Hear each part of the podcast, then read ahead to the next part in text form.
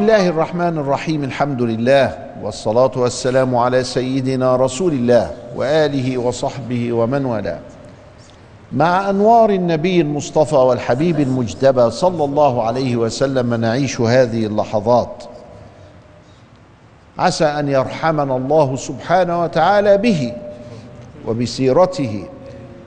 فعند تلاوة سيرته وذكرها تتنزل الرحمات. ويحف المجلس الملائكة أينما كان. وكلما زدنا وعدنا في ذكر الحبيب صلى الله عليه وسلم كلما رقت القلوب وخشعت لمولاها. فليس هناك باب يوصل إليه سبحانه سوى باب النبي عليه الصلاة والسلام. قبل هجرة المصطفى بدأ الصحابة في الهجرة. وضربنا مثلا في حلقة سابقة بأم سلمة. وضربنا مثلا بصهيب الرومي وأنه رد الأموال كلها بالرغم من أن المشركين لا يستحقونها فلما ضغطوا عليه وأمروه بتركها تركها لله. حتى قال رسول الله صلى الله عليه وسلم ربح ربح صهيب. ربح صهيب. ربح صهيب. ومن قصص الهجرة قبل المصطفى هجرة سيدنا عمر ابن الخطاب رضي الله تعالى عنه وأرضاه. عمر كان من عماليق العرب. العرب كان فيهم عماليق كده. يقدر طوله ما بين 280 سم إلى 3 متر. واديله عرض بقى يتناسب مع إيه؟ مع الطول ده. وكان رضي الله تعالى عنه أحول. وكان رضي الله تعالى عنه أصلع. في الشعر في راسه. وكان رضي الله تعالى عنه أيسر اعسر يكتب بايده اليمين زي ما يكتب بايده الشمال. كان كاتبا. قدامك أنت واحد إيه؟ يعني قوي. الإيمان وقوي الجسد. اتفق مع اتنين كمان. واحد اسمه عياش ابن أبي ربيعة. عياش. والتاني اسمه هشام ابن العاص. قال لهم يا أولاد مسلمين دول عياش وهشام إحنا نلتقي في الحتة الفلانية عشان نسافر المدينة مهاجرين. قالوا طيب نطلع ثلاثة يبقى كده موكب حلو. عياش وهشام. تخلف أحدهم.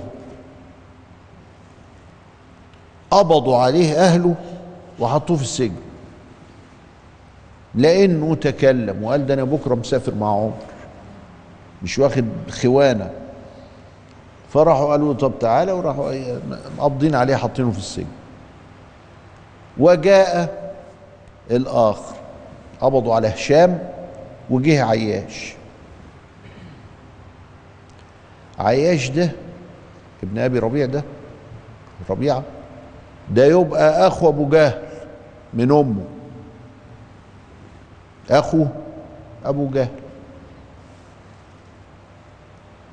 أبو جهل ما خدش خبر وعياش وسيدنا عمر وقف عند الكعبة قال لهم على فكرة أنا طالع ماشي دلوقتي للمدينة. ومن أراد أن تثكله أمه فليتبعني. يجي ورايا. علشان اضربه علقة يحرم بعد كده يمشي هكسحه. الجدع منكم يجي ورايا. شوف القوة فايدتها إيه؟ قوة. محدش طلع. روح سافر وملناش تدخل بيك. خد بعضه ومشي. انظر بقى إلى هؤلاء وإلى الفروسية بتاع سيدنا حمزة وبتاع سيدنا النبي. لما جالهم وهم في دار الأرقم متوشحا سيفه وكان معلوم من عمر أنه كان يؤذي المسلمين في بدء الأمر قبل الإسلام قبل إسلامه. فطلع له النبي. وخدوا من المنطقة بتاعته الحزام بتاعه ولببوا كده وشالوا على الدراع عليه الصلاة والسلام. وحمزة قال له يا رسول الله نخرج. فإن وجدناه يريد خيرا بذلناه له وإن أراد شرا قتلناه بسيفه مش بسيوفنا بسيفه هو. يقول لك الله أنت ماسك مطوة ده أنت ما تعرفش تحمي نفسك منها. إيه ده؟ دول فرسان نبلاء. شجعان. قلوبهم معلقة بالله. الله مشي سيدنا عمر. ومعاه عياش. وصلوا المدينة. مين خد خبر؟ أبو جهل وأخوه اللي اسمه الحارس ده. جري وراه.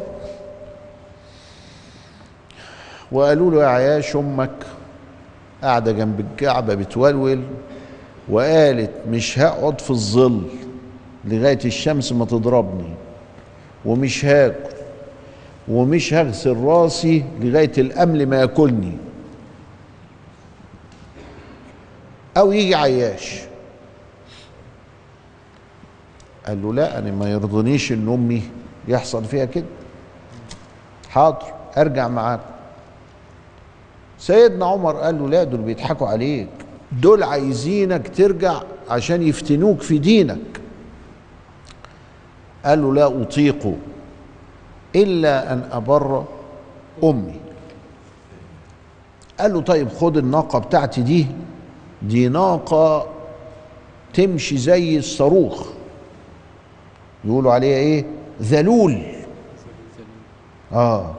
نجباء. نجباء ذلول يعني إيه تمشي زي الصاروخ.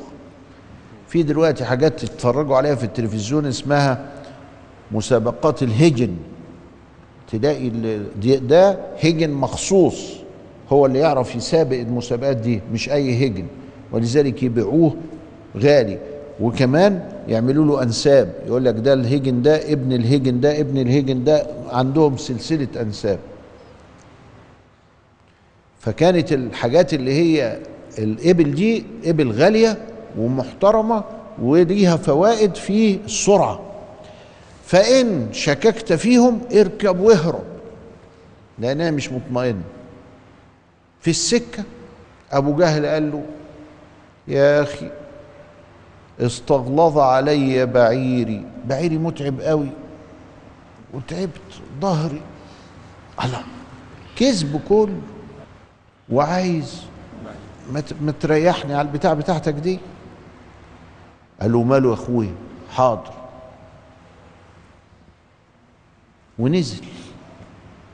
من على الزلول دي اللي تجري لما يحصل يعني بتاع نجري بيها. راحوا مأيدينه وضحكوا عليه. ودخلوه مكة. وهو مقيد وقال هكذا فافعلوا بسفهائكم كما نفعل بسفينة بسفيهنا هذا. ورموه في السجن مع هشام. قالوا ده مش اللي كنت هتطلع معاه اترموا بقى في السجن مع بعض.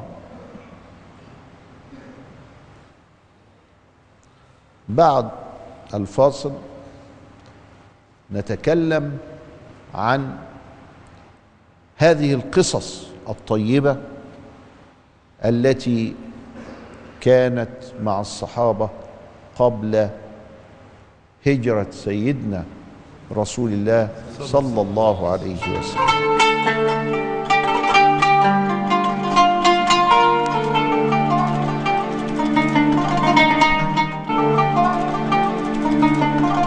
بسم الله الرحمن الرحيم. الحمد لله. والصلاة والسلام على سيدنا رسول الله وآله وصحبه ومن والاه.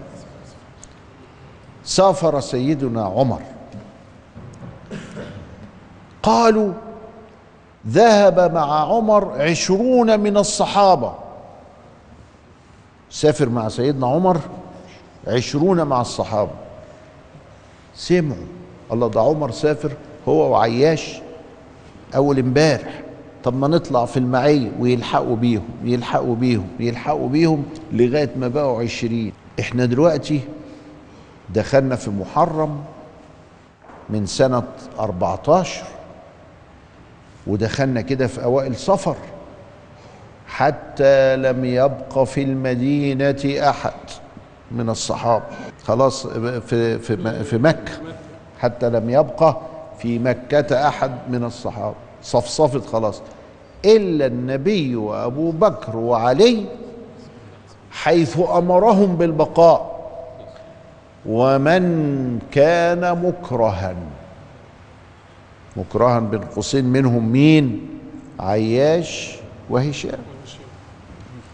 ومن كان مكرها قعدوا في المدينة مدينة مكة.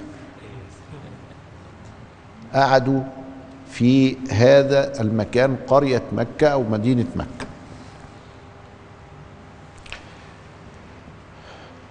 ومن كان مكرها خلي بالك من الكلام اذا ففي ناس غير هشام وغير عياش. بس هشام وعياش بقى حابسينهم مأيدين إيدهم يودوا لهم الأكل على القد عشان ما يموتوش عشان يعذبوهم مش عشان يرحموهم. أبو جهل كله ده شغل أبو جهل. ومن معه؟ حقد أسود. سيدنا عمر خد بعضه وسافر. ومعه عشرون من الصحابة. سيدنا أبو بكر قال لسيدنا أنا هسافر المدينة. قال له لا. ابقى فلعلي يؤذن لي. فلعله يؤذن لي. قال أو كائن ذلك يا رسول الله؟ قال ابقى سيدنا علي عايز يمشي؟ قال له لا. ابقى فلعله يؤذن لي. يبقى استبقى سيدنا أبو بكر وسيدنا علي.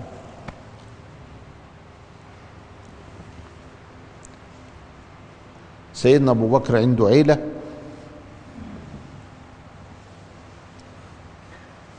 من ضمنها ابنه عبد الله ابن أبي بكر. ومن ضمنها السيدة عائشة. ومن ضمنها السيدة أسماء. وهكذا. عيل. سيدنا علي مسؤول مسؤولية قبلية وشرعية وبإذن سيدنا الرسول بعيلة النبي اللي هي فيها فاطمة وفيها رقية وفيها أم كلثوم وفيها زين أولاد النبي. زينب متجوزة و ساعتها بقى رقية متجوزة سيدنا عثمان وفاطمة وأم كلثوم خاليين مفيش زواج. طيب معانا عبد الله بن أبي بكر. معانا أبو بكر معانا علي معانا واحد كان يشتغل عند أبو بكر وهو من المسلمين كان اسمه عامر بن فهيرة. عامر خادم عند سيد مولى من مواليد سيدنا أبو بكر. الأسماء دي عايزين نحفظها ونشوف إيه اللي هيحصل. معنا أسماء. كمان. هشام وعياش مقبوض عليهم. لما سيدنا هاجر ووصل المدينة ما نسيش الرجاله بتوعه. هشام وعياش ما نسيهمش. قال من منكم من يأتيني بهشام وعياش؟ يبقى عمليات اللي هي بنسميها دلوقتي العمليات الخاصة. فقال الوليد بن الوليد أنا آتيك بهما يا رسول الله. عمليات خاصة ليه؟ لأنه ده فيه خطورة. دول يقبضوا عليه اللي رايح يحررهم ده ولا ياخدهم ولا كذا دي عمليات فدائية. عمليات اللي هي بنسميها دلوقتي العمليات الخاصة. يروحوا يجيب هشام وعياش ماليش تدخل يجيبه إزاي؟ ومين اللي يقول؟ الوليد بن الوليد. يعني ابن المغيرة. ما هو الوليد بن الوليد ده أخو سيدنا خالد. لسه خالد ما أسلمش. الوليد لا تقدم إسلامه شوية. نزل الوليد ودخل مكة بليل. علشان ما حدش ما عمليات خاصة بقى. ما حدش ياخد باله. جاب الحاجة وبتاعه وفهم إن امرأة توصل الطعام إليهما في محبسهما فتتبعها. برضو سر حتى عرف مكانهما. وقد حبس في بيت لا سقف له فتصوره بليل وفك قيدهما وقال رسول الله يريدكما. خلاص يبقى المعنويات ارتفعت خالص وبقت الفرقة مسلسة. وخرجوا واختفوا محدش عرف يجيبهم. ده علشان نكمل إيه؟ قصة عياش وقصة هشام ما تقعدش يعني معانا. إحنا ده في الهامش كده إن إحنا هشام وعياش دول ما تسابوش. هشام وعياش اتبعت لهم الوليد بن الوليد وخدهم وراح. بس ده بعد بقى إيه؟ قصة سيدنا صلى الله عليه وسلم. اقعد يا أبو بكر اقعد يا علي اقعد يا عامر ابن فهيرة اللي بيرعى الغنم لأبي بكر. اقعد يا أسماء اقعد يا عائشة وهكذا. في يوم ستة وعشرين صفر الصبح الساعة عشر كان يوم خميس. يوم إيه؟ ستة وعشرين صفر. اسمع الكلام. إحنا في سنة كام دلوقتي؟ اربعتاشر وصفر ده أنهي شهر؟ الشهر الثاني محرم صفر. يبقى إحنا دلوقتي في الشهر الثاني من يوم سنة كام؟ 14 واليوم إيه؟ خميس. اجتماع طارئ في برلمان المشركين. في البرلمان بتاع المشركين في دار الندوة. واجتماع طارئ يعني إيه؟ اجتماع طارئ يعني إنه مهم. نمرة واحد. نمرة اتنين لابد ممثل من كل قبيلة يحضر. هذه كلمة طارئ معناتها كده. اجتماع طارئ يعني ده لأمر جلل ولازم كل ممثل من كل قبيلة لازم يحضر لاتخاذ القرارات المناسبة. طيب. الساعة عشرة تمام. كله بقى موجود. وفوجئوا بشيخ كبير لابس حاجة نظيفة قوي جوخة. كنا إحنا وإحنا صغيرين نسميها إيه؟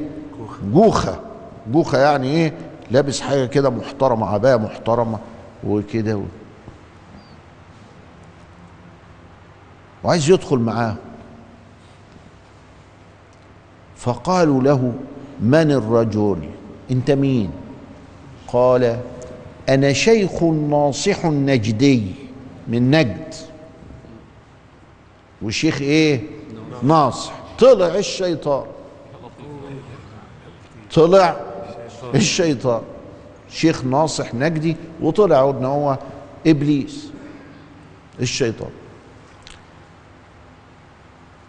ودخلوا وقرروا إجرامهم بقتل النبي صلى الله عليه وسلم في قصة لطيفة نذكرها لكم في حلقة قادمة.